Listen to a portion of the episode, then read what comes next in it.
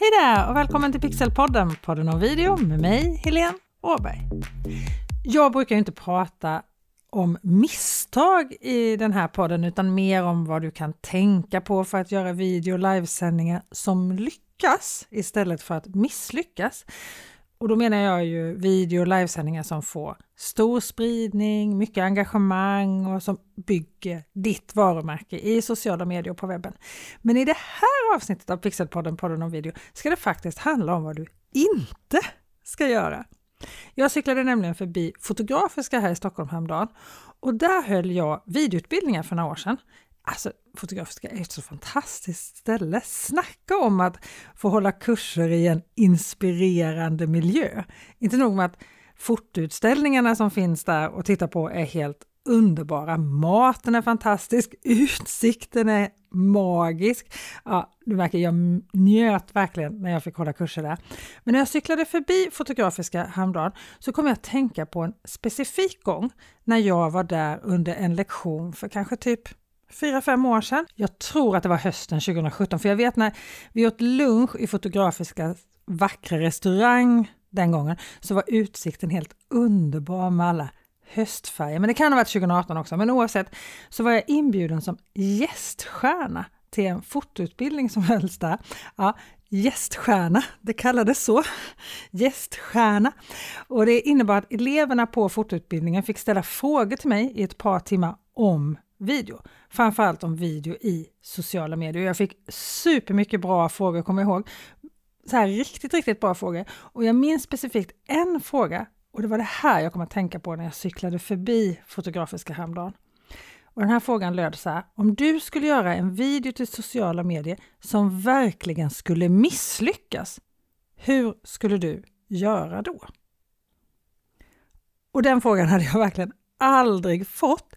Men den här personen menade på att om man vet vad man absolut inte ska göra så vet man också vad man ska göra. Och det är en liten fin tanke ändå. Och när jag kom att tänka på den här frågestunden så tänkte jag det här borde jag göra ett poddavsnitt om. Och det är just vad jag gör här nu. Och det här var ju som sagt några år sedan, men jag minns att jag svarade att om jag verkligen ville misslyckas med en video så skulle jag börja videon med en lång vignett. Då, 2017-2018, var det många som hade superlånga avancerade vignetter, på varje video som de postade i sociala medier. Det ser vi ju i stort sett aldrig i sociala medier idag, eller hur? Men då var det väldigt vanligt och jag vet att jag svarade då att det skulle jag inte göra.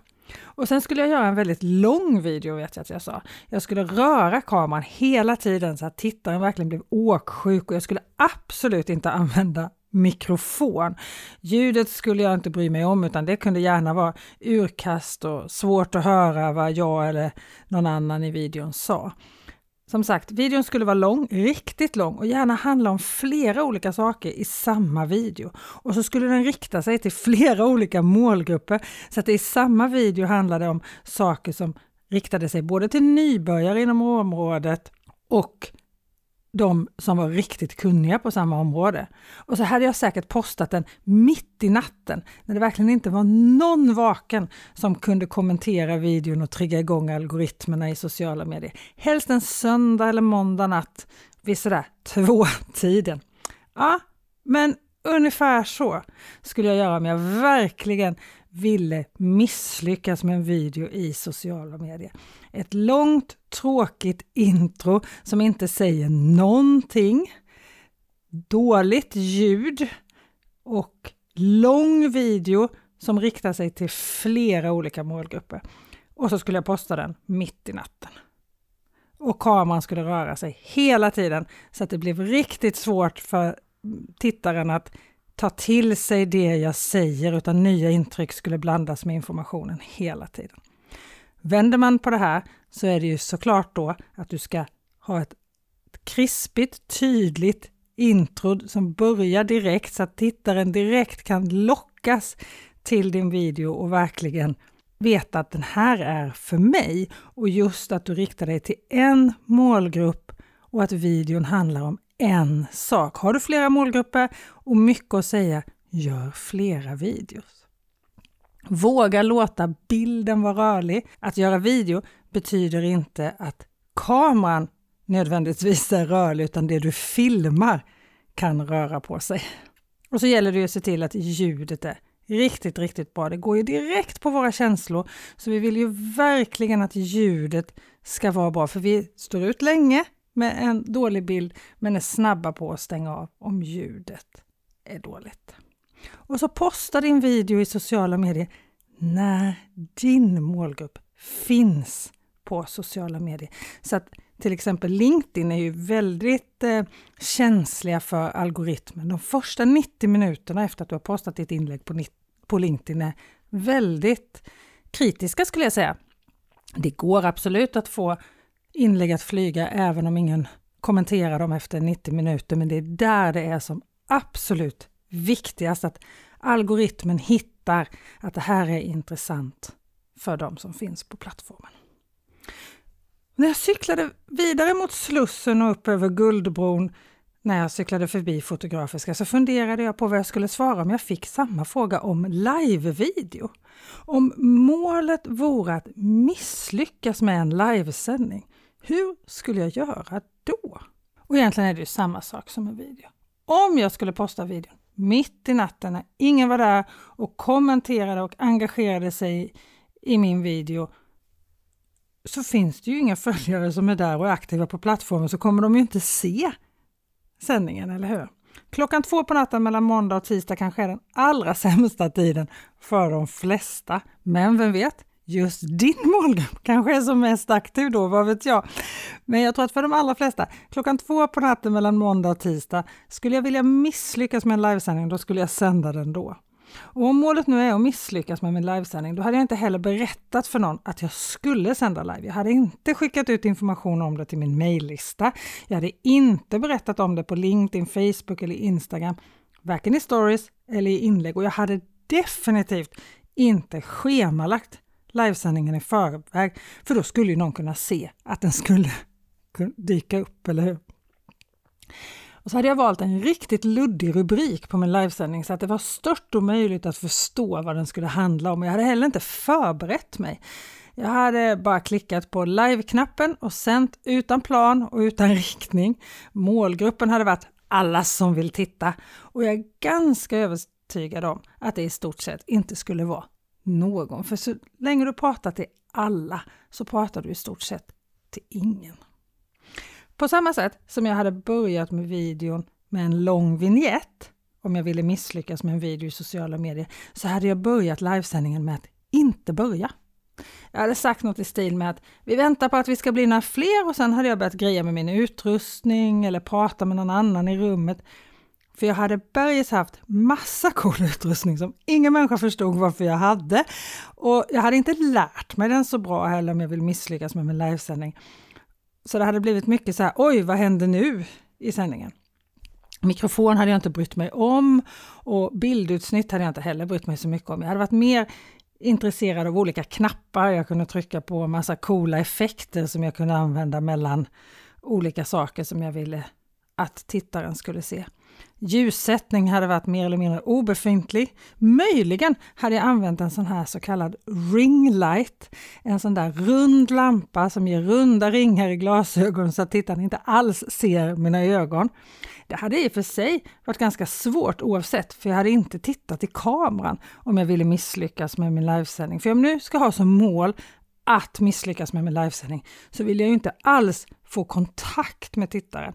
Och jag hade inte ställt några frågor, inte bett tittaren kommentera något i chatten, utan jag hade pratat på mitt och det hade varit oplanerat prat i en aldrig sinande ljudmatta.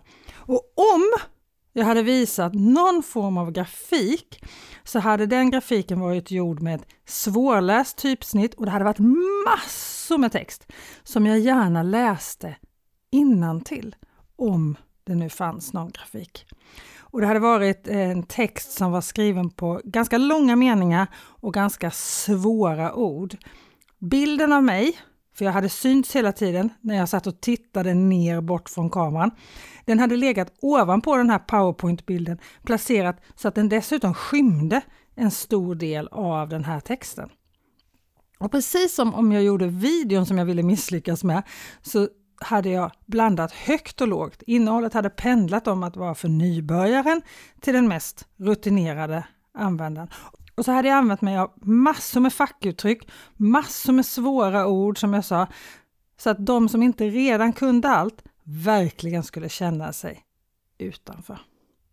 Ja, så skulle jag nog göra ungefär. Om jag verkligen ville misslyckas med min livesändning. För det är ju så här, börja din livesändning direkt. Respektera tittarens tid och kommunicera, interagera med din tittare så att tittaren blir en deltagare på din livesändning istället för tittare. Det är då du verkligen kan använda livesändningars och webbinars stora kraft som företagare i sociala medier och när du håller andra typer av livesändningar. Se till att grafiken lyfter det du säger och inte tynger ner det du säger och att bilden på dig när du pratar eller den som pratar och grafiken samsas om utrymmet och att det finns en helhet som passar ihop. Att bilden är välkomponerad, att ljuset finns där och att den som pratar tittar på tittaren, det vill säga tittar in i kameran är ju såklart också jätteviktigt. Den tekniken du har, du behöver verkligen inte mycket teknik för att sända live i sociala medier, men se till att du kan den tekniken och att du vet vem det är du pratar med så att du pratar till en målgrupp under hela din livesändning. Skillnaden mellan att göra en video eller en livevideo är ju inte så stora när det handlar om de här sakerna. Det finns stora skillnader i när du kan göra en video eller när du ska göra en livesändning eller hur du kan använda video och livesändning. Men du behöver ju alltid kommunicera med din tittare.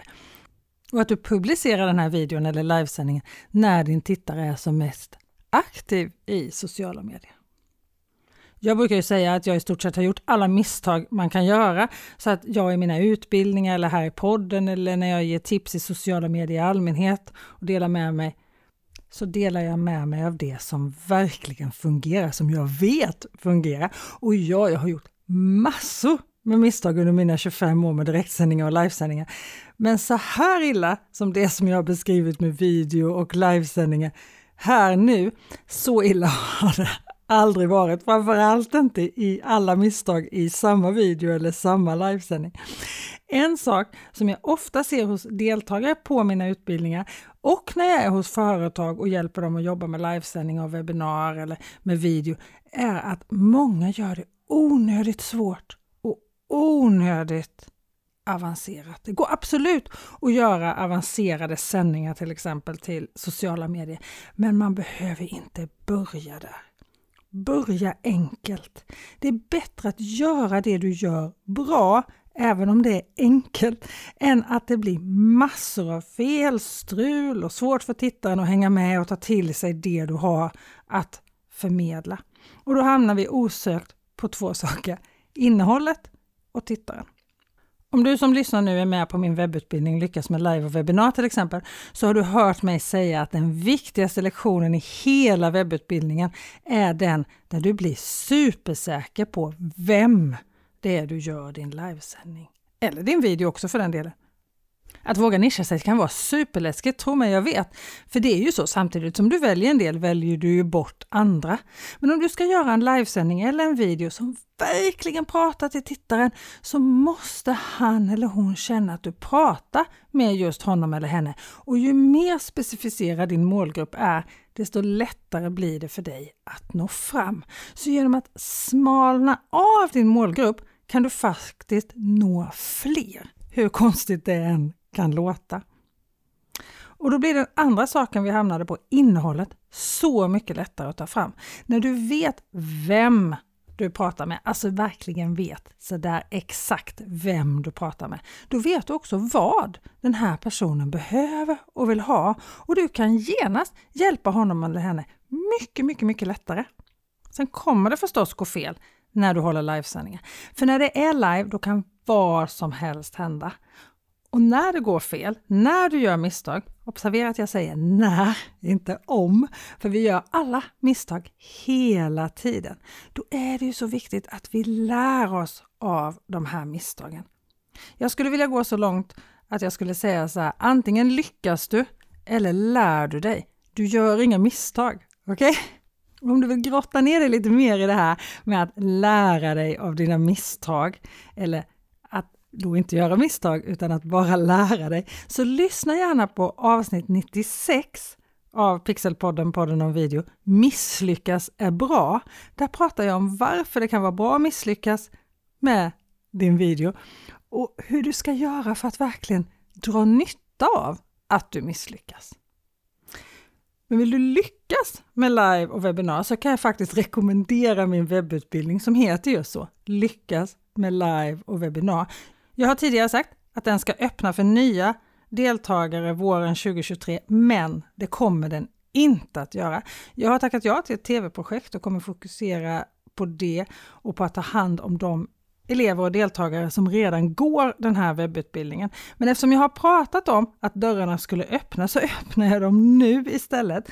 Så om du som lyssnar på det här avsnittet nu i månadsskiftet november-december 2022 du kan anmäla dig nu direkt till webbutbildningen Lyckas med live och webbinar om du vill. Då kommer du nästa år vara med på en av de saker som många tror kommer öka rejält under året 2023. Livesändningar i sociala medier. Lagom till att allt drar igång efter jul kan du vara igång med proffsiga livesändningar och webbinar som kommer göra rejäl skillnad i din marknadsföring. Du hittar anmälan till den här webbutbildningen på bit.ly lyckas med live. Allt i ett ord, allt med små bokstäver. Och ja, det finns självklart en länk till den här anmälningssidan i beskrivningen av det här poddavsnittet. Men det är nu under några dagar här i december som det går att anmäla sig. Så vänta inte för länge, för sen kommer du dessvärre behöva vänta länge på att kunna anmäla dig till den här webbutbildningen igen.